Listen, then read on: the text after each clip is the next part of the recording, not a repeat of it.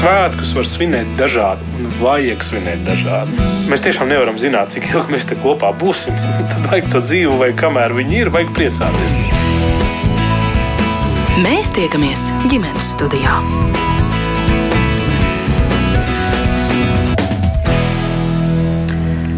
Labdien! Klāt jauns gads arī 2022. īk darba diena no pulksten 2 līdz 3. Kopā ar jums būs raidījums ģimenes studija. Kopā ne tikai šajā laikā, bet arī podkāstos, protams, jebkurā diennakts stundā.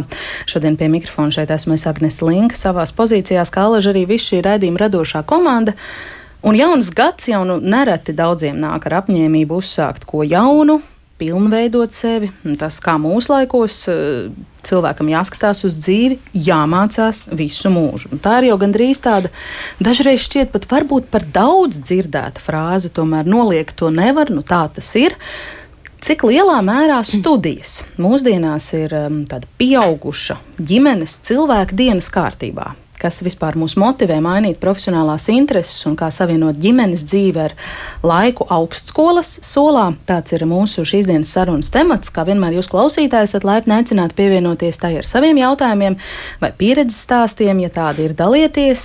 Bet Par šo jomu un par visām niansēm un savu pieredzi šodien mums eh, gatavas eh, stāstīt. Mārīta Sēle ir bijusi izglītības ministrē, šobrīd Latvijas elektrotehnikas un elektronikas rūpniecības asociācijas nozares izglītības eksperte, eh, tad arī Agnese Breice, kas ir divu bērnu mamma, vairāk kārt mainījusi karjeras virzienu, šobrīd strādā kā projektu vadītāja Latvijas valsts ceļos. Juridiskā, ekonomiskā izglītība šobrīd studē būvniecības eh, vadību maģistrantūrā. Un telefoniski ar mums kopā ir arī Māra Bērtaite, eh, zvērināts advokāta palīgs. Šobrīd studē Baltu filoloģiju maģistrantūrā. Labdien jums visām trim! Labdien! Labdien, Māra, dzirdat mūs arī! Jauki. Mm, labdien, dzirdu. Jā. Es sākšu ar jautājumu Mārītei. Vai tas, kā es ieskicēju raidījuma ievadā mūsu to sarunas tematu šodien, vai mēs varam runāt, ka tā ir mūža izglītība, vai tas būtu pareizs formulējums? Jā, man, man liekas, ka uh, vārds mūža izglītība no vienas puses ir, ir tik daudz lietots, ka dažreiz liekas, nu, cik, cik, var, cik var par to runāt. Jo ideja par mūža izglītību, par to, ka tev jāmācās uh, nu, visa mūža garumā, nu, ir jau arī agrāk bijusi aktualizēta, bet tai pašā laikā uh, mūsdienās mēs saskaramies ar ļoti, ļoti strauju tehnoloģiju attīstību, saskaramies ar to, ka ļoti, ļoti daudz darbi tiek tiek automatizēti. Šis ir viens aspekts, kāpēc daudziem, kāpēc daudz cilvēki tajā darba vietā, kur viņi ir sākuši savu karjeru, viņi nevarēs palikt līdz mūža galam tieši tādā pašā amatā un, un tieši tādā pašā veidā, kā viņi strādājuši. Un, un šis ir viens, viens aspekts, kāpēc tieši mūsdienās mūža izglītība, tālāk izglītība, bet dažādās formās, ne tikai obligāti mācoties augstskolā, bet mācoties arī dažādās dažādos attālinātajos kursos, kam mēs noteikti šodien pieskarsimies, ir, ir jo īpaši sāsnājis to vajadzību māc, mācīties mūža garumā. Mm. Vai ir tādas jomas, kurās šī nemitīgā mācīšanās ir svarīgāka, iezīmējas šobrīd svarīgāk kā citās? Šī, nu, ja mēs skatāmies no tehnoloģija attīstības skatu punkta, tad, tad šī joma, protams, ir, ir aktuālāka um, tajās nozarēs, kur vēsturiski ir bijis vairāk manuāla darba, kas tagad tiek aizstāts ar dažādām robotizētām iekārtām. Un, un, uh, un kā piemērs varētu minēt, man ir, man ir bijis gods uh, strādāt vienā no uh, vissekmīgākajiem, ino, inovatīvākajiem uzņēmumiem Primex, kas ir lielizmēra grīdu betonēšana betonēšanas uzņēmums.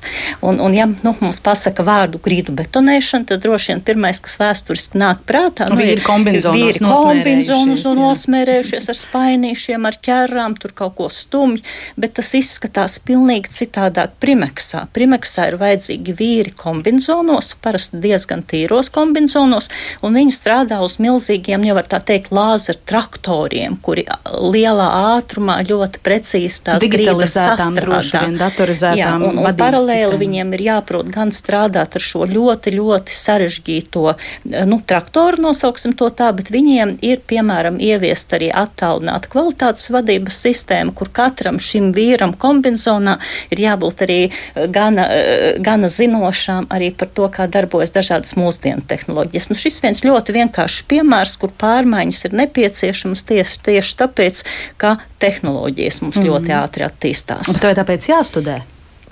Uh, nē, Nē, es, es domāju, tāpēc, tāpēc es arī iepriekš minēju, ka es domāju, ka formālās studijas mūsdienās nav vienīgais atrisinājums, ka ir ļoti daudz iespēju mācīties arī dažādos uh, online kursos, tātad tiešsaistes kursos. Tiesa vairumā gadījumu tur, tur ir nepieciešama angļu valoda vai, vai kāda cita svešvaloda, bet, bet taču šīs iespējas ir ļoti, ļoti, ļoti dažādas. Arī Latvijā, latviešu valodā uh, arī piedāvā uh, nu, valsts līmenī valsts izglītības attīstības aģentūra ir speciāla programma pieaugušajiem, kur uh, strādājoši cilvēki, nevis bezdarbnieki, var pieteikties uz, uz dažāda garuma kursiem, kur ir ļoti, ļoti, ļoti daudzveidīgs piedāvājums. Valodu kursi, matemātikas kursi, statistikas programmēšanas. Nu, faktiski jāsaka, mm ko viens sirds vēlās un ko cilvēks jūt, ka viņam vienkārši privātā interesē vai viņa karjeras izaugsmē nepieciešams. Es domāju, ka iespējas ir milzīga apjomā. Galvenais galvenais jautājums ir, vai tu gribi, vai tu saproti, nu, ka tas ir nepieciešams. Mm -hmm. nu, jā. Šai sakarā bija arī redzējumam, gatavojoties lasīt SKDS pētījumu ši, šovasar veiktu, kur uh, lielākā daļa aptaujāto šķiet virs 90% piekrita, ka līdz pat mūža beigām viņi nevarēs iztikt ar tām zināšanām, kas viņu, ir viņu rīcībā un jāmācās klāt. Uh, būs uh, tomēr tas procents, kas šo realizē, ir ļoti, ļoti pagaidām niecīgs. Pat par spīti tam, ka tajā 2030 attīstībā attīstības plānā, valsts attīstības plānā ir iezīmēts šis kā viens no galvenajiem mērķiem - palielināt tieši pieaugušo uh, profesionālās pilnveidas un izglītības iesaisti. Jā, šo, šo apstiprina arī Eurostat pētījumi. Pēc Eurostat datiem Latvijā tikai mazā, mazāk nekā 6% pieaugušo vecumā no 25 līdz 60 gadiem um, nu, patiešām aktīvi kaut ko, kaut ko mācās. Eiropā, mm. Eiropas vidējais rādītājs ir gandrīz 20%. 12%. Tā ka mums ir, ir vieta izaugsmē. Nepietiek tikai ar to, ka es zinu, ka tas būs nepieciešams, bet, eh, bet mums ir arī aktīvāk jādarbojas. Nu, un, ja vēl, vēl par skaitļiem, tad eh, attiecībā uz šo, šiem automatizācijas procesiem OECD eh, nu, pētījumi saka, ka apmēram 14% no šobrīd esošajām darba vietām, kur netiek izmantota automatizācija, tiks automatizētas. Nu, mēs varam padomāt kaut vai par mūsu lielveikalu kasu darbiniekiem, piemēram, un, un savukārt 32% eh, darbinieku, eh, darbiniekiem tieši automatizācijas dēļ mainīsies darba process, mainīsies veids, kā viņš strādā. Iespējams, ka viņa amats paliks tieši tāds, kāds tas ir šobrīd, bet tas, ko viņš darīs, principiāli atšķirsies. Mm -hmm. un, protams, ja mēs skatītos pavisam tālā nākotnē, ir, ir vai, vai, vai varbūt arī vairs netik tālā nākotnē, bet ir nu, daudz dažādi arī nu, nezinu, futūristiski scenāriji par to, kādas varētu parādīties jaunas profesijas, par kādām mēs šobrīd pat nespējam iedomāties. Un, un šajos scenārijos, piemēram, no uh, Pasaules uh, ekonomikas uh, fóruma prognozēm, piemēram, ir tādi amati kā datu detektīvs, kā, kā cilvēku mašīnu komandas vadītājs.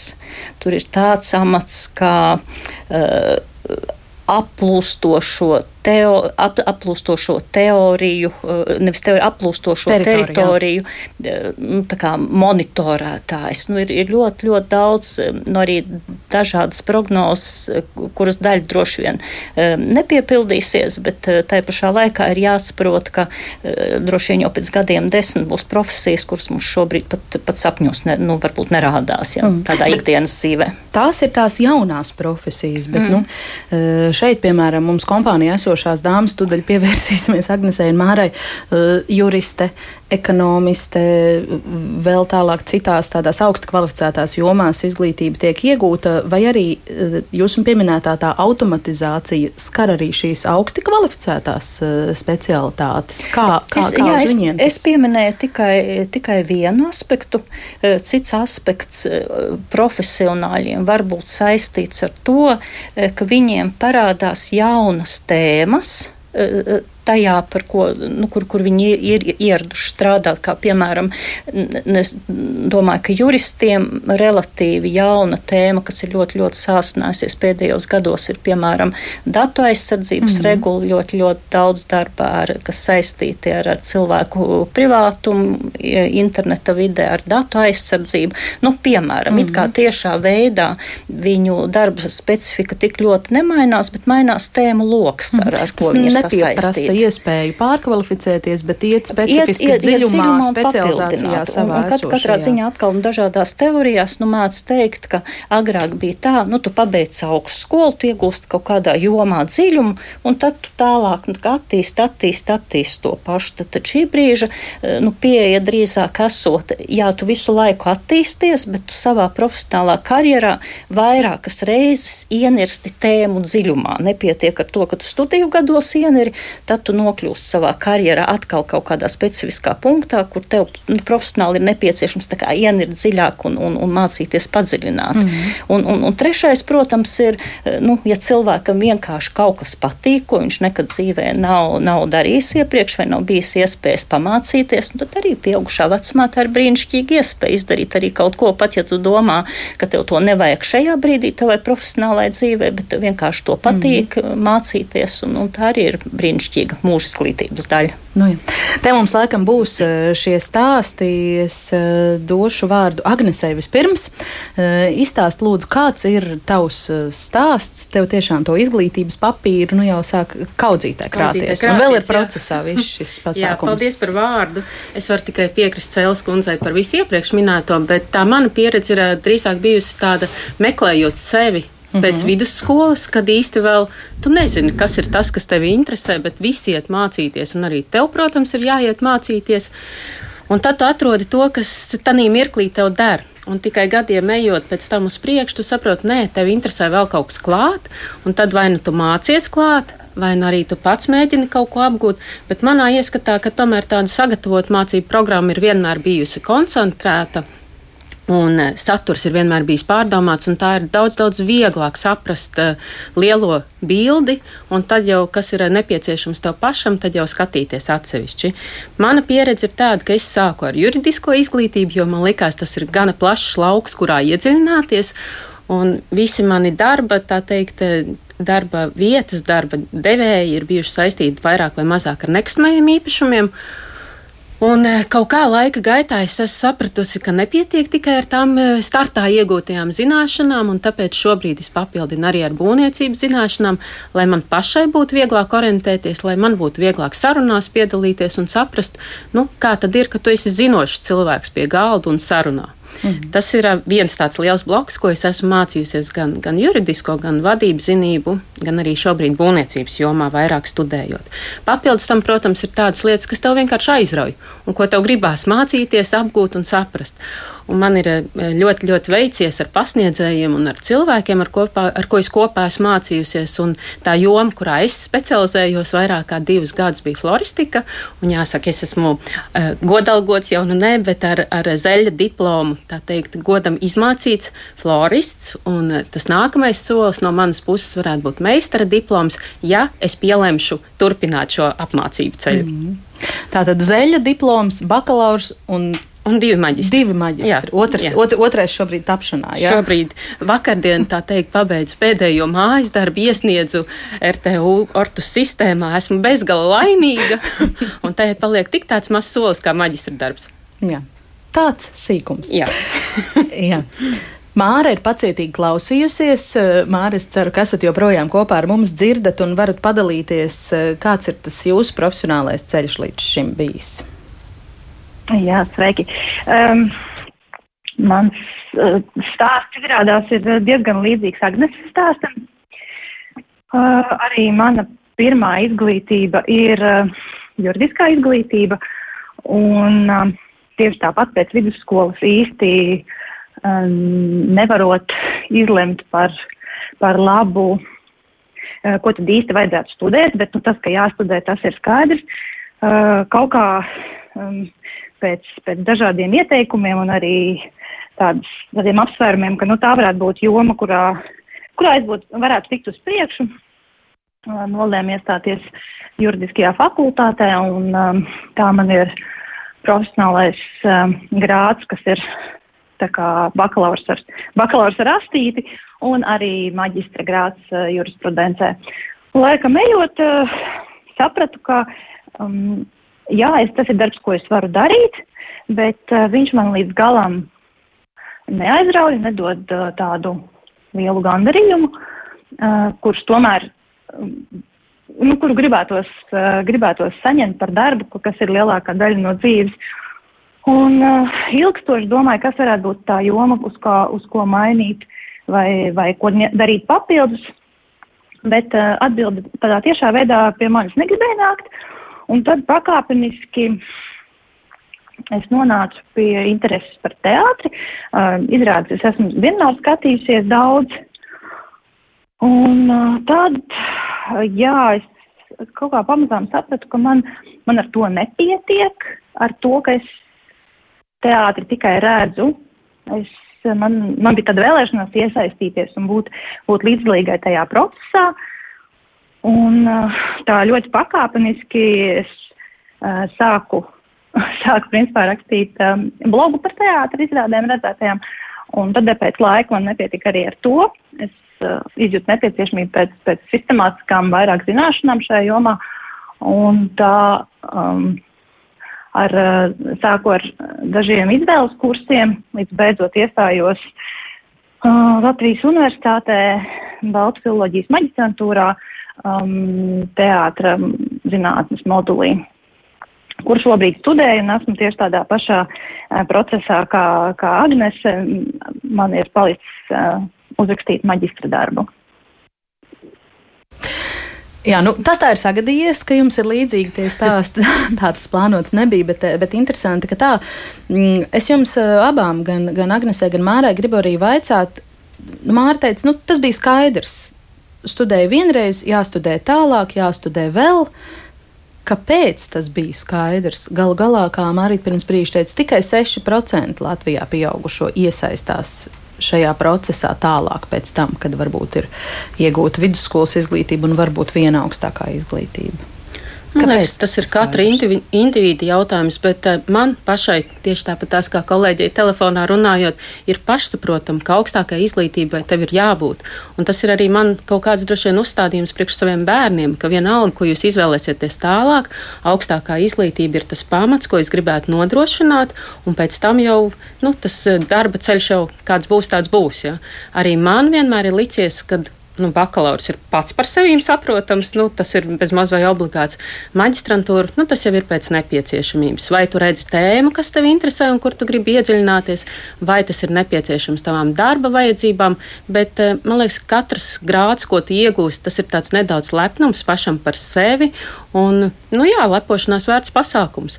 Un, protams, zināšanas. Zināšanas, ko savādāk varbūt nemaz neatrastu. Mm. Tad tavā gadījumā tas uh, studēt vēlreiz un atkal tā nav motivācija, ka man to vajag darbam, tā ir brīvās gribas tāda virzīta vēlme. Tā ir brīvā griba un ļoti laba pieredze, jo man iepriekšējā studējošā pieredze Latvijas universitātē man bija pirmām kārtām tiešām lieliski pasniedzēji, kas dalījās ar, sa ar savām zināšanām un no kā es bagātinājos un varbūt izlasīju kādu grāmatu, ko es pat nekad nebūtu izlasījusi. Ja? Bet otrām kārtām tā bija vide, brīnišķīgs kurs, kursa biedri. Mums bija tāda piecu meiteņu grupiņa, kas vienu otru tā teikt mēdz pastutēt un palīdzēt, kad bija nepieciešams. Tie noteikti ir jauni draugi, ko varbūt savādāk es nekad nebūtu ne satikusi, ne uzrunājusi. E, kopīgi pasākumi, jo studentiem tomēr ir arī neformālie pasākumi, ne tikai obligātās lekcijas un tikšanās. E, man viss kopā, viss izglītības lauks ir tāds liels prieks. Nu, prieks varbūt iztrūks dienu pirms mājas darba nodošanas, kad, kad pietrūks laika un varbūt gribās e, atpūsties vai pagulēt, bet jā, man tas viss ir tāds pozitīvs pasākums. Mm. Tavā interpretācijā viss izklausās tiešām viegli un un, un, un vienkārši nebeidzams prieka lauks. Tam, tam visam paralēli ir izauguši divi bērni. Jā. Šobrīd 14 jā, un jā. 7. klase un 4. klase, tātad 14 gadi un 10 mm. gadi. Viņas visu laiku redzējuši, ka māma arī mācās. Jā, un kaut kādos brīžos, protams, kad arī šobrīd, kad notiek zūmu lekcijas, ieskrien istabā un saka, māma, man vajag, vajag, un tad ir, es tagad nevaru, tagad nē. Mm. Bet, eh, jā, man liekas, ka eh, es esmu nodevusi un ielikusi viņām to pamatu, ka mācīties ir pats par sevi saprotams. Nevis sēdēt divas stundas Facebook vai Instagram, bet meklēt saturu meklēt kaut ko vērtīgu. Mm. Klausītāji arī pamazām iesaistās mūsu sarunā. Anna raksta, kā šīs mammas savieno mācīšanos ar ģimenes eh, dzīvi. Gribētu mācīties, bet baidos, kā savienos šo noslodzi ar bērnu eh, vajadzībām. Māra, kā jums ir šajā ziņā? Jūs arī esat mamma. Jā, esmu mamma divām, divām meitiņām. Maniem bērniem ir septiņi un pieci gadi. Un uh, arī studiju savienošana bija, bija lielas bāžas. Um, uh, tāpēc, tāpēc es uh, varbūt neuzsāku studijas agrāk, jo bērni bija mazāki. Un uh, konkrēti studijas uh, Baltu filoloģijas maģistros nozīmē Uh, aizņemts katru vakaru no 6.15 līdz 21.30, kas ir jāpavada lekcijās. Nu, tad, protams, ir jāatrod vēl diezgan liels laiks patstāvīgam darbam. Uh, nu, šajā ziņā man pandēmija ir tikai nākus pretī, jo es esmu varējusi būt mājās, pārsvarā pie datora, kaut gan, tiksim tā, um, es labprāt izvēlos lekcijas klātienē, un kad vien tāds bija, tad es centos arī uz viņām doties bet uh, mājās studēt tomēr, nu, ir kaut kāda laika ekonomija un ir kaut kāda iespēja uh, vairāk ko, būt kontaktā un menedžēt ar tiem bērniem, un, un tas patiesībā tomēr bija vieglāk un, un pašsaprotamāk nekā es to biju iedomājusies varbūt pirms studiju uzsākšanas, tās bailes bija lielākas nekā tā praktiskā dzīve uh, grūtības piedāvāja. Nu, ne, nebija, nebija tik, tik traki grūti. Kaut gan, protams, nu, ģimene, ģimene mazliet cieši un, un, un ir sevišķi uz semestra beigām. Man viņas nāks barot ar solījumiem, ka vēl tik dienas, vēl tik dienas, vēl tik dienas, un tagad viss. maza atelpa, un tad atkal jāturpina skaitīt jā, tik dienas, jā. tik dienas. Jā, jā, ne, bet tad, tad, pareizi, kad sākās tas semestris, tad ir kā ir tā mierīgāk, un tad, nu, tad, tad kad ieskrienās semestris, tad viņš atkal, tad, tad jā, tad paliek intensīvāk un laika mazāk un, un, un tā, bet, uh, bet es saku, nu, man, man jau tas ir lekcija aktīvai, aktīvais posms ir beidzies, tā kā, tā kā ģimene arī var mazliet uzalpot. Restīvi to sajūtu, ka tā ir tāda kopā būšanas laika nozakšana, bērniem jūs nesat jutušas? Nu, gan jā, gan nē. Manā gadījumā tie bija četri vakari, katru nedēļu no pirmdienas līdz ceturtdienai, no sešiem līdz deviņiem pusdesmitiem, kā kurā dienā. Uh, Bet man liekas, tā, nu, ēst pagatavotu vienalga paspēju. E, tagad mēs labi mākam portatīvos datorus e, pārcelt līdzi sev uz virtuvi un sagatavot visu, kas ir nepieciešams. Varbūt iztrūka, jā, tās sarunas, kas ir pierastākas vakarā, bet, e, nu, es neesmu viena, man ir arī vīrs, ar ko dalīties, līdz ar to man likās, nu, tos četrus vakarus mēs sadalīsim kaut kādā veidā. Bet, lai teiktu, ka ir ļoti liels iztrūkums, manā gadījumā man liekas, ka nē, jo man bērni jau tiešām jau ir 11 gadnieki visbiežāk ir mamma, ko tu gribi, kāpēc tu nāc manā istabā. Ja? Līdz ar to es nejūtu tādus ne sev, nu, sev pašai tādus augošus, briestošus jautājumus, vai es kaut ko neatņemu. Man likās tā, ka tulīt, tulīt viņi būs izauguši. Un es nevaru skatīties tikai uz saviem bērniem un apmierināt viņu vajadzības. Un tāpēc man likās, ka piepildīt sevi arī ir tāds ļoti svarīgs, uh, liels jautājums, ko es arī paralēli kaut kādā nozogot laiku varbūt sev vai bērniem, vai varbūt dažreiz arī universitātei cenšos īstenot. Mm -hmm. Māra, vai jums vēl kaut kas par šo bilstams?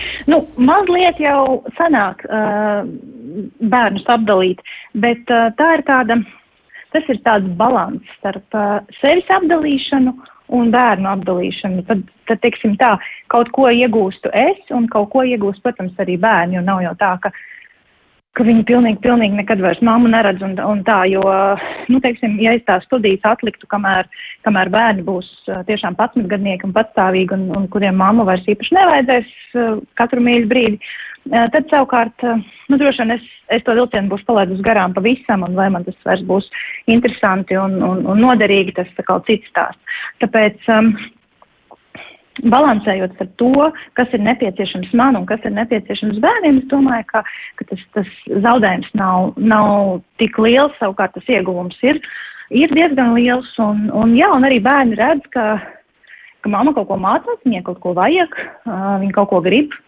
Bērni nevienmēr to saprot un jautā, kāpēc man to vajag un ko es ar to gribu darīt. Uh, bet, um, bet es domāju, viņi, viņi pie tā būs pieraduši, ka ka vecāki studē, ka vecākiem kaut kas interesē un viņiem ir, viņiem ir sava dzīve. Mārīt, ko jūs domājat, klausoties uh, sieviešu stāstītajā? Um, jā, nu es, es arī esmu, esmu mamma un uh, ne ar, ne ar mazu bērnu, uh, bet tad, kad manam bērnam bija, bija pieci gadi, uh, Eh, un, un tas bija tas laiks, kad mācīties ārzemēs bija, bija nu, gandrīz neiespējami tādā vienkāršā veidā. Un, un man radās tāda iespēja braukt mācīties uz, uz Nīderlandi eh, iegūt otro augstāko izglītību, otro maģistra grādu, bet manam bērnam tad bija pieci gadi. Un, un tad nebija interneta. Ne Skype, ne video zvanu. Ne video, ne Skype. Mm -hmm. Un, un es uz pieciem mēnešiem aizbraucu uz Nīderlandi. Mans uh, vienīgais bērns palika mājās ar tēti un, un uh, vecvecākiem. Un, un tā izšķiršanās uh, toreiz bija krietni dramatiskāka nekā mūsdienās. Un, mm. un, nu, viss jau beidzās labi. ja man vajadzētu tagad to atkārtot, es droši vien to, to nu, neizdarītu. Tieši, tieši tā iemesla dēļ arī, ka, lai parunātu pa telefonu, bija jāpiesaka tālsaruna un bija noteiktās dienās un, un laikos jāiet, jāiet runāties. Bet uh, mūsdienās, un, un, jā, bet nu, klausoties uh, dāmas, nu, man liekas, ka bērni jau nepiedzimst ar definīciju viņu galvās, kas ir pareizs vecāks. Viņi grib, eh, nu, lai, lai, lai, lai viņu apmīļo, viņi grib, lai ar viņu sarunājās, lai viņu uzklausa. Bet man liekas, ka nekur tajā definīcijā nav ierakstīts, ka mammai vai tētim ar bērnu ir jābūt roku rokā 24 stundas diennaktī. Un ja vecāki paši nejūtās vainīgi par, par to ritmu, kādu viņi ir izvēlējušies, bet viņi nodrošina to, ka bērns visā savā laikā saņem mīlestību, saņem uzmanību, viņš ir uzklausīts, viņš, viņam ir nu, jēgpilni pavadīts laiks, bet ne obligāti ar, ar vecāku. Tad nu, bērns jau, bērns, man liekas, tad nekādā veidā nav cietējis, bet ieguvējis. Man liekas, ka biežāk ir tā, nu, ka vecāki jūtās vainīgi par to, ko viņi dara, lai gan īstenībā viņiem vajadzētu vienkārši racionāli situāciju atrisināt, mm -hmm. un, un, un bērni to uztver jā, kā normālu dzīves sastāvdaļu, ka tagad tagad ir laiks, kad mamma mācās, un tagad es esmu ar tēti, vai tagad es esmu ar auklīti, vai ja lielāki bērni.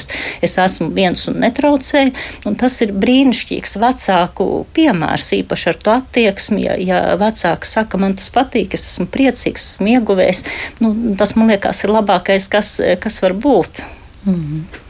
Un vēl viens aspekts, kas uh, iezīmējās arī mūsu klausītāju rakstītajā, kāda sieviete saka, 30 gados viņa atsākus mācības, kad otrajam bērnam bija pusotrs gads, ar bērniem nav grūti mācīties. Visgrūtāk ir apvienot studijas ar darbu. Kā ir ar šo? Šodienas kontekstā skatoties, tas nav grūti, jo ir uh, zūms, ir uh, attālinātais mm. un uh, tāda klātbūtnes nepieciešamība tev būt lekcijās brīžiem pat ir liekta, lai neteiktu, ka šajā maģistrantūrā man liekas, ka es pat neesmu bijusi nevienā klātienes lekcijā.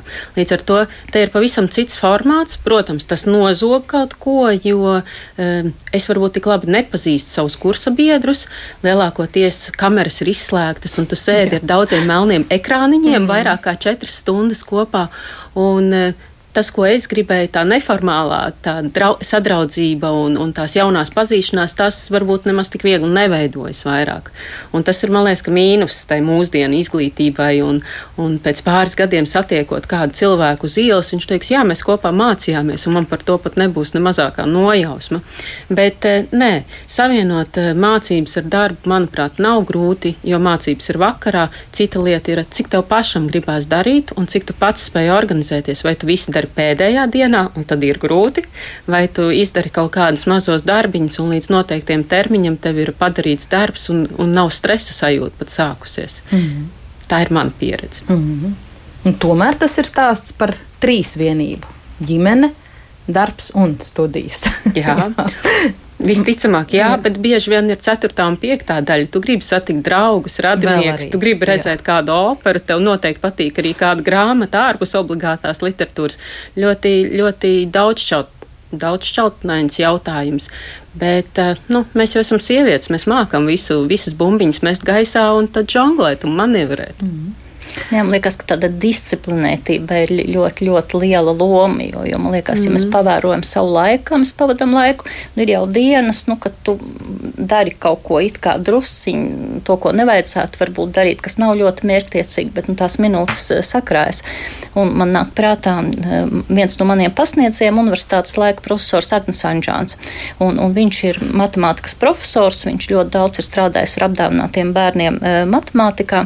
Un, un tas, ko viņš stāsta, stāstīja, ka viņa disciplīna ir katru dienu uzrakstīt divas lapuses eh, nu, nākotnes grāmatai. Un, ja mēs pasakām, divas lapuses, nu, nu, Nekas. mēs katrs varam divas lapuses par kaut ko uzrakstīt, kas mūs interesē. Mm -hmm. Bet, ja tu to izdari katru dienu, tev gada beigās ir 365 reizes 2, kas ir vairāk nekā viena grāmata, visticamāk. Mm. Un, un šis man liekas par, par tām ikdienas rutīnām un spēju sevi disciplinēt. Un, un tad jau izdodas vairāk izdarīt, bet pie nosacījuma, nu, ka tev pašam patīk tas, ko tu dari. Mhm. Māra, kā ir jūsu gadījumā, kā uz šo raugāties, cik lielā mērā studēšana papildus ģimenei ir arī drauds kaut ko nolaupīt darba pienākumiem? Nu, man liekas, ka žonglēt ar divām bumbiņām, ģimeni un studijām vai darbu un studijām, tas ir salīdzinoši viegli, vajag tikai motivāciju vēlēties studēt. Protams, varētu būt grūtāk tiem cilvēkiem, kuriem ir maiņa darbs, bet, teiksim, biroja darbs, kurš beidzās 5-6, un pēc tam, teiksim, ja sākās šī studijas, uh, tur, ar, ar, ja, ja vien ir šī motivācija, tad tad tā nav problēma. Grūtāk ir, ja jāiekombinē visi trīs tie elementi. Uh, bet, uh, nu, es, piemēram, savā gadījumā pateicu, ka citas bumbiņas es likšu nost, jo citādi man kaut kas noteikti kritīs zemē un plīsīs, proti visi draugi un, un, un izklaides un, un, un um, jā, nezinu, grāmatas un viss, viss cits. Mm, tas iet malā paliek tikai tas nepieciešamais un mans mans mērķis pabeigt šo magistrantūru. Un, un tad, to var, tad to var sakumbinēt, jo, jo pa dienu ir, pa dienu ir darbs, un tad uh, kaut kad pa, pa starpām ir, ir ģimene, tad ir studijas, nu, un tad vakarā es atkal pieslēdzos, pieslēdzos bērniem un, un ģimenei. Un, un, um, jā, nu, kā jau es teicu, tas šobrīd uh, attālinātās studijas zināmā mērā ir priekšrocība, ja to vajag savienot, jo atkrīt tas laiks, kas ir nepieciešams patērēt uh, braukšanai ceļā, uz studijām, uz darbu. Varbūt uh, tajā laikā ir iespējams būt mājās un, un to ģimenes bumbiņu atkal pamest gaisā. Jā, kāda klausītāja Dita mums raksta, šajā vecumā mācās jau ar prātu, izpratni un pavisam citu motivāciju. Bakalaura studijas sāku 30 gados, nu pats savos 49 iegūmu maģistru, doktorantūru ļoti interesēta, bet šobrīd ļoti daudz regulārā darba un uh, pienākumu. Es šobrīd gribētu mūsu sarunai piepulcināt vēl kādu sarunas dalībnieci, savulaik studējusi arī dzen ekonomiku Sindija šobrīd strādā pirmsskolas izglītības iestādē, un lai arī tas ir pilna laika darbs, un viņa viena audzina bērnu, pirms dažiem gadiem viņa tomēr lēma par labu pilna laika studijām, lai varētu labāk realizēties eh, savā profesijā. Lūk, paklausīsimies viņas pieredzē. Tā motivācija studēt patiesībā radās tieši darba dēļ, jo es apjautu, ka es negribu īsti strādāt vairs par auklīti bērnu dārzam. Nu, es gribēju mazliet vairāk iesaistīties tajā visā bērnu izglītošanas procesā. Tad nāca pamudinājums no draugu puses, ka varbūt beidzot atsākt studēt, un šoreiz kaut ko citu. Jo es pirms tam studēju ekonomiku, un tagad nolēmu par labu pirmsskolas pedagoģijai. Jo man gribējās būt audzinātāja bērnu dārzā. Man vienmēr ir saistījis darbs ar bērniem. Man varbūt 11 gados īsti nešķita, ka tas būs tas manējais.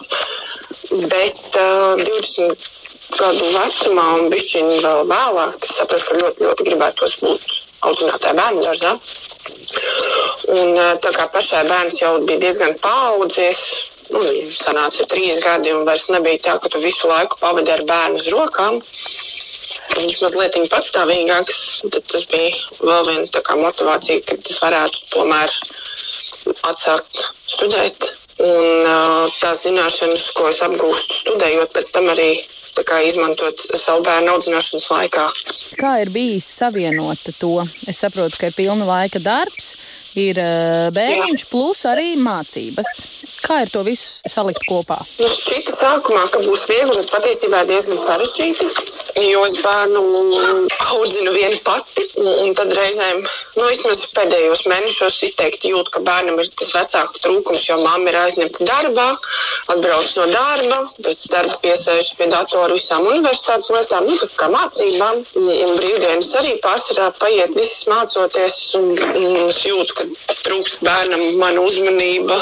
Tas tā kā morāli mazliet pašai sāpīgi ir, bet ļoti daudz kas nu, studiju laikā apgūtais noder darbā, un attiecīgi arī darba pieredze noder studiju laikā, jo ir vairāk kā pastīties uz to, ko tu nu, apgūst teorētiski arī no praktiskā skatu punkta. Nu, jā, nu, tas nav viegli apvienot darbu, studijas un, un būšanu mammai. Tas liek visu laiku stresot, mēģināt atrast risinājumus. Un, tad, kad vēl studijas bija klātienē, tad bija jādomā ko ar bērnu iesākt. Un, ja viņam nes, nesanāca sarunāt kādu, kas pieskat, tad bija bērns jāņem līdzi uz lekcijām. Tad tev šķiet, ka viņš lekciju laikā var kādam traucēt, un tas attiecīgi mazāk uzmanību tam studiju procesam notiek. Un, nu, stresaini tas viss ir.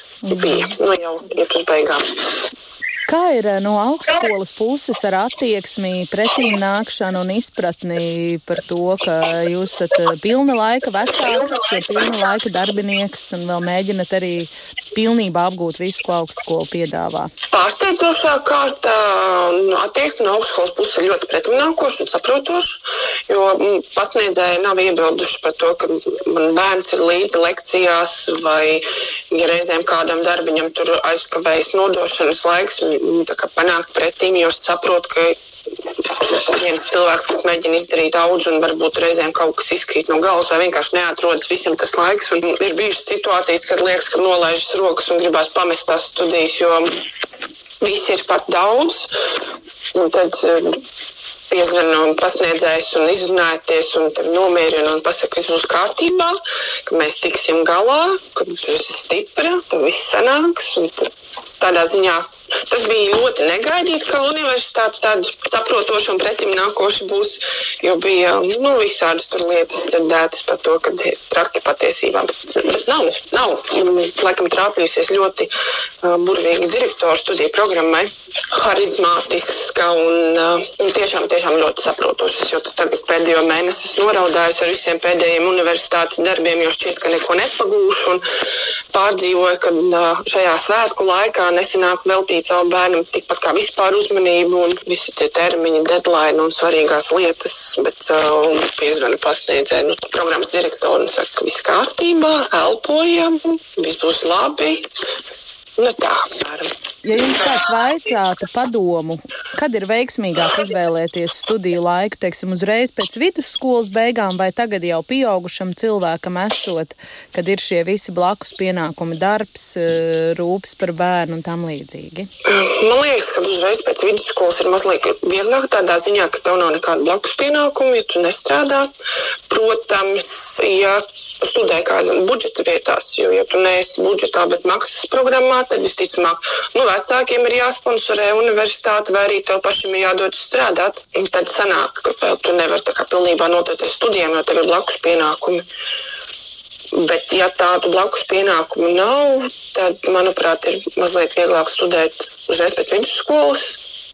Bet mazliet vēlāk, liels pluss, sākot studijas, manuprāt, ir tas, ka vairāk ir kritiskā domāšana un racionālā domāšana attīstījusies. Un tu spēj izvērtēt uh, studiju procesā, kā pasniegt to informāciju. Un iespējams arī laika menedžments kaut kādā veidā ir nostiprinājies un, un izdodas tomēr arī pastarpināti darbam, uh, sakārtot visas studiju lietas. Manuprāt, neatkarīgi no tā, kad tiek uzsāktas studijas vai uzreiz pēc vidusskolas vai mazliet vēlāk, ļoti svarīga lieta studiju laikā ir pievērst uzmanību tam, lai tu neizdedz. Jo vienmēr jau var turpināt studēt, un ja cilvēks jūt, ka tas no tevis prasa varbūt pārāk daudz, un tu to tajā brīdī to nevari, tas nav muļķīgi vai absurdi paņemt pauzi no tām studijām, jo nu, izdeguši studenti un topošais darba spēks arī īsti nu, tas nav nekas labs. Jo es ļoti bieži nu, no draugu puses saskārusies ar to, ka studijas uh, un apvienošana ar darbu mēdz ļoti nogurdināt, un, un cilvēks vairs nespēja atrast sevi. Tad nomāktība parādās, un, un nereti arī depresija un nevēlēšanās vispār neko darīt. Man šķiet, ka tādos brīžos, tā, kad jūt, ka nesenāk tiešām un vajag nolikt tomēr savu pašsajūtu un morālo stāvokli pirmajā plānā, jo studijas nekur jau nepazudīs. Vienmēr var turpināt. Man kursa biedrenes ļoti daudzas ir pārsniegušas 50 gadus slieksni un, un turpina studēt. Jā, tā man liekas, tā ir ļoti svarīga lieta, ka primāri tomēr nolikt sevi pirmajā vietā un tad skatīties, vai tas uh, studiju process viss palīdz tev augt vai tomēr tevi gremdē.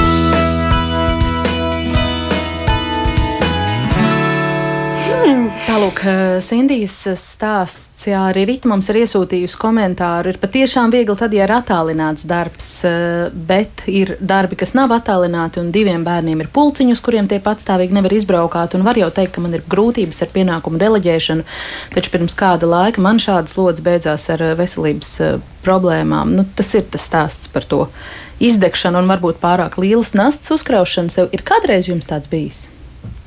Tādas sajūtas. Es domāju, ka tas ir no katra cilvēka individuāli. Katram, no tā enerģijas tomēr, līmeņa. Es esmu gan enerģiska, un vienmēr esmu spējusi darīt trīs darbus un ne, nepagulēt to vienu stundu. Un vasarā, kad eh, varbūt man taisnība ar hobiju saistīta, ir vairāk kāzas, kas ir paralēli darbam, un visticamāk, ka tu visas ziedu ārkas taisi naktī, un pēc tam deviņos te uz darbu un pieslēdzies uz biroju un, un turpini strādāt. Ja? Tas ir jautājums katram, cik tu vari, cik tu gribi un cik tev vajag. Jā, bet, bet svarīgi nu, tiešām nu, piedomāt par savu ķermeni mm. un, un savām sajūtām. Jo, jo es domāju, ka daudz no mums var izturēt ļoti lielu slodzi īstermiņā, un tas ir ok. Nu, nav dzīve balta un pūkaina, bet ir svarīgi katram apras, saprast savus limitus, cik, cik ilgi tu vari turēt, lai, nu, lai nepāršautu pāri strīpai. Mm. Māra? Vai par šo? Nu, gluži manas domas, jā, ka visi nav vienādi. Viens var turēt vairāk, viens var vilkt vairāk, viens var vilkt mazāk. Um, es cenšos dalīt šos savus pienākumus tādos. Um, to nevis kā maratonu, bet kā tādus sprinta gabaliņus. Tā, šito es noskriešu, un tad es redzēšu, vai es varu tālāk. Ja es varu tālāk, tad es turpinu. Un, ja es nevaru, tad es ņemu pauzi. Pagaidām es esmu varējusi.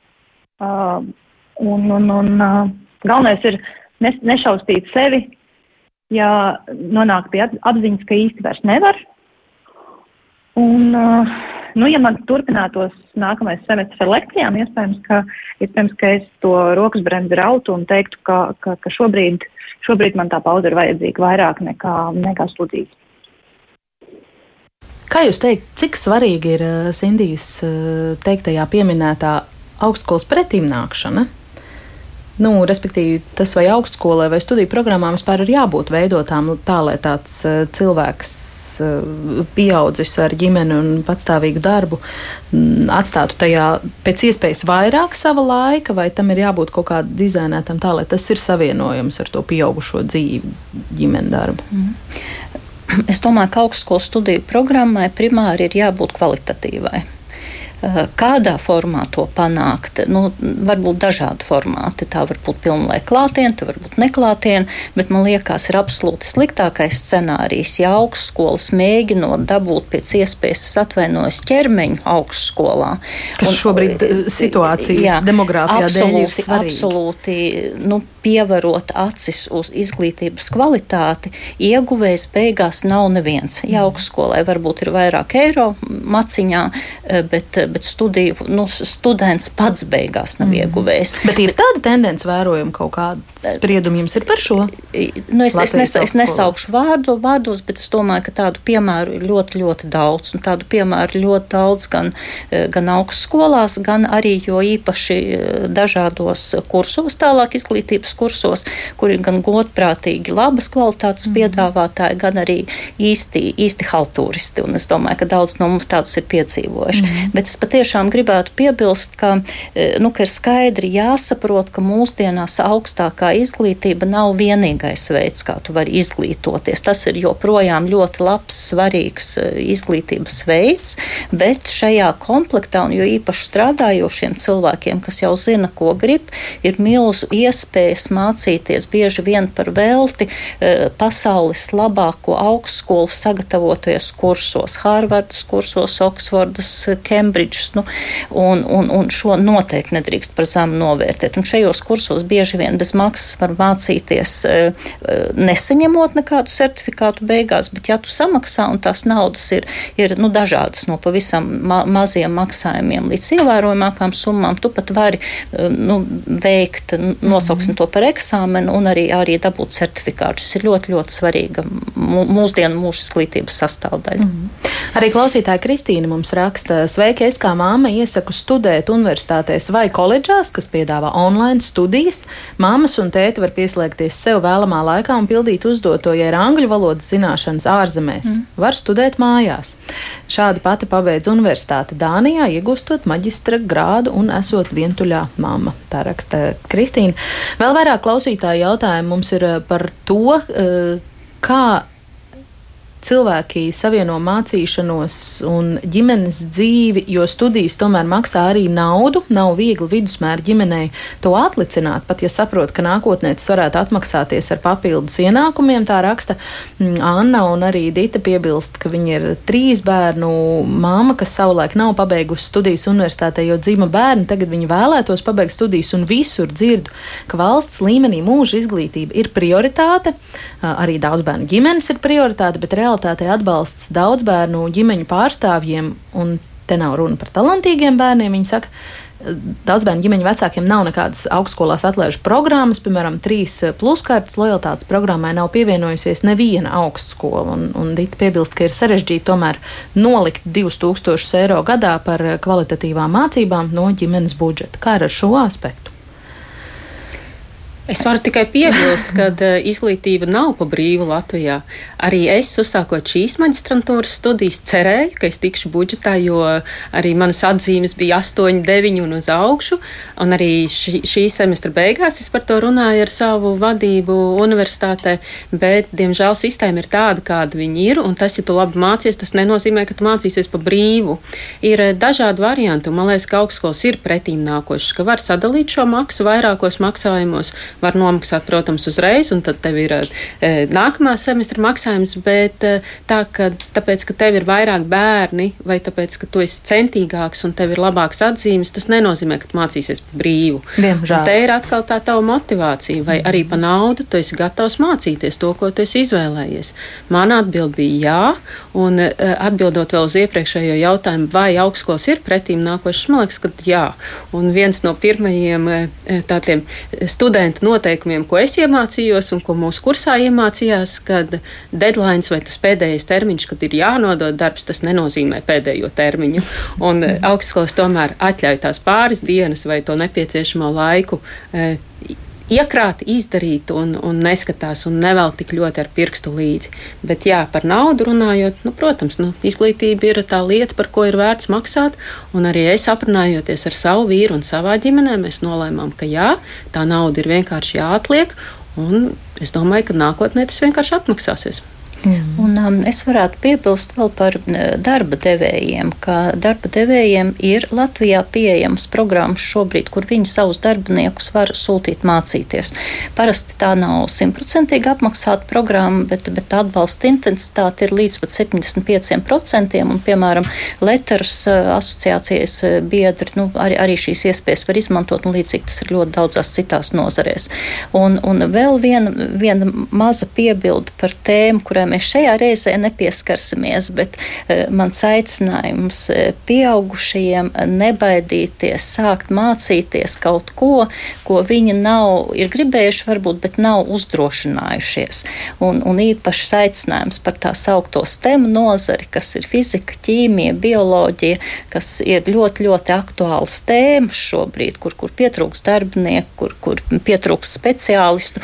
Un, un bieži vien cilvēki mēdz teikt sev un saviem bērniem, ah, man tur matemātika nepadevās, man fizika nepadevās, un es to nevaru, un to tā kā pilnībā noraksta. Mans aicinājums šo aizmirst. Tas, ka tev kādreiz kaut kas nav padevies, nenozīmē, nu, ka tu nevari. Un, jo īpaši tas attiecās arī, arī uz bērniem, bet uzdrošināties, mācīties kaut ko, ar ko tev iepriekš varbūt pat nav bijusi nekāda saskara. Pat tad, ja tu uzskati sevi par absolūti humanitāru prātu. Pat tad, ja tu uzskati par humanitāru prātu, es domāju, ka mēs dzīvojam tajā laikā, kad mums ir jāspēj integrēt humanitārās un eksaktās lietas, un tādā veidā mēs esam spēcīgāki. Māra, jums uh, rezumē pēdējais vārds, ja tā var teikt. Vai ir kas vēl tāds, ko gribētos piebilst pie, pie, pie, pie visa pēdējās minūtēs izskanējušā? Um, jā, man tas, kas, tas, ko man tiešām gribējās pateikt, ir par to uh, studēšanu pēc vidusskolas vai studēšanu vēlāko, vēlākā laika posmā.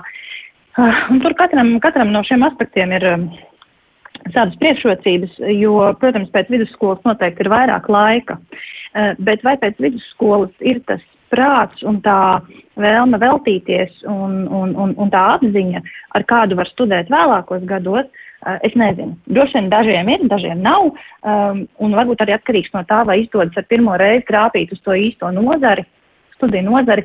Uh, es izjūtu milzīgu atšķirību, kā tas bija studēt tajos 11 un 20 gados, un kā ir studēt šobrīd ar dzīves pieredzi un ar to absolūto pārliecību, kas ir tas, kas man interesē un kas man neinteresē. Man tā ir bijusi diena pēc nakti, un es esmu ļoti priecīga, ka man ir šī te dienas pieredze ar, ar, ar to, ka studijas sniedz lielu prieku, gandarījumu, un, un, um, un es redzu viņās uh, ieguvumu un piepildījumu. Jā, jānoslēdz laikam ar Jāņa komentāru. Viņš ir iesūtījis savu sāpi mūža izglītībai. Pandēmijas laikā ir arī ēnas puses. Ja kaimiņš izdomā sākt studēt ģitāru spēli, mm -hmm. tad viņu neinteresē, ka tu tur apgūsti ekonomiku vai programmēšanu. Ar to arī izskan šīs dienas redzījums ģimenes studija. Paldies sarunas dalībniecēm. Tās bija bijusi izglītības ministra, šobrīd Latvijas elektrotehnikas un elektronikas rūpniecības asociācijas nozares izglītības eksperta Mārīta Sēle. Arī Agnese Breice ar daudziem diplomiem, vairāk kārt mainījusi karjeras eh, virzienu, jurists, ekonomists un šobrīd studē būvniecības vadību. Telefoniski ar mums kopā bija arī Māra Bērtāja, zvērnāta advokāta palīgs, šobrīd studē teātra zinātni. Paldies, ka atradāt laiku atnākt uz ģimenes studiju par raidījumu tapšanu un skanējumu. Šodien gādāja Ilza Zvaigzne, Rita Karnača un es Agnese Linka. Arī emocionālā inteliģence jau šobrīd ir kļuvusi par vienu no svarīgākajām cilvēka pamata prasmēm, kas jāapgūst un arī ģimenes studijā plašāk saruna par to, kā to mācīt bērniem. Klausieties mūs arī podkāstos, sekojiet sociālo tīklu kontos uz sadzirdēšanos.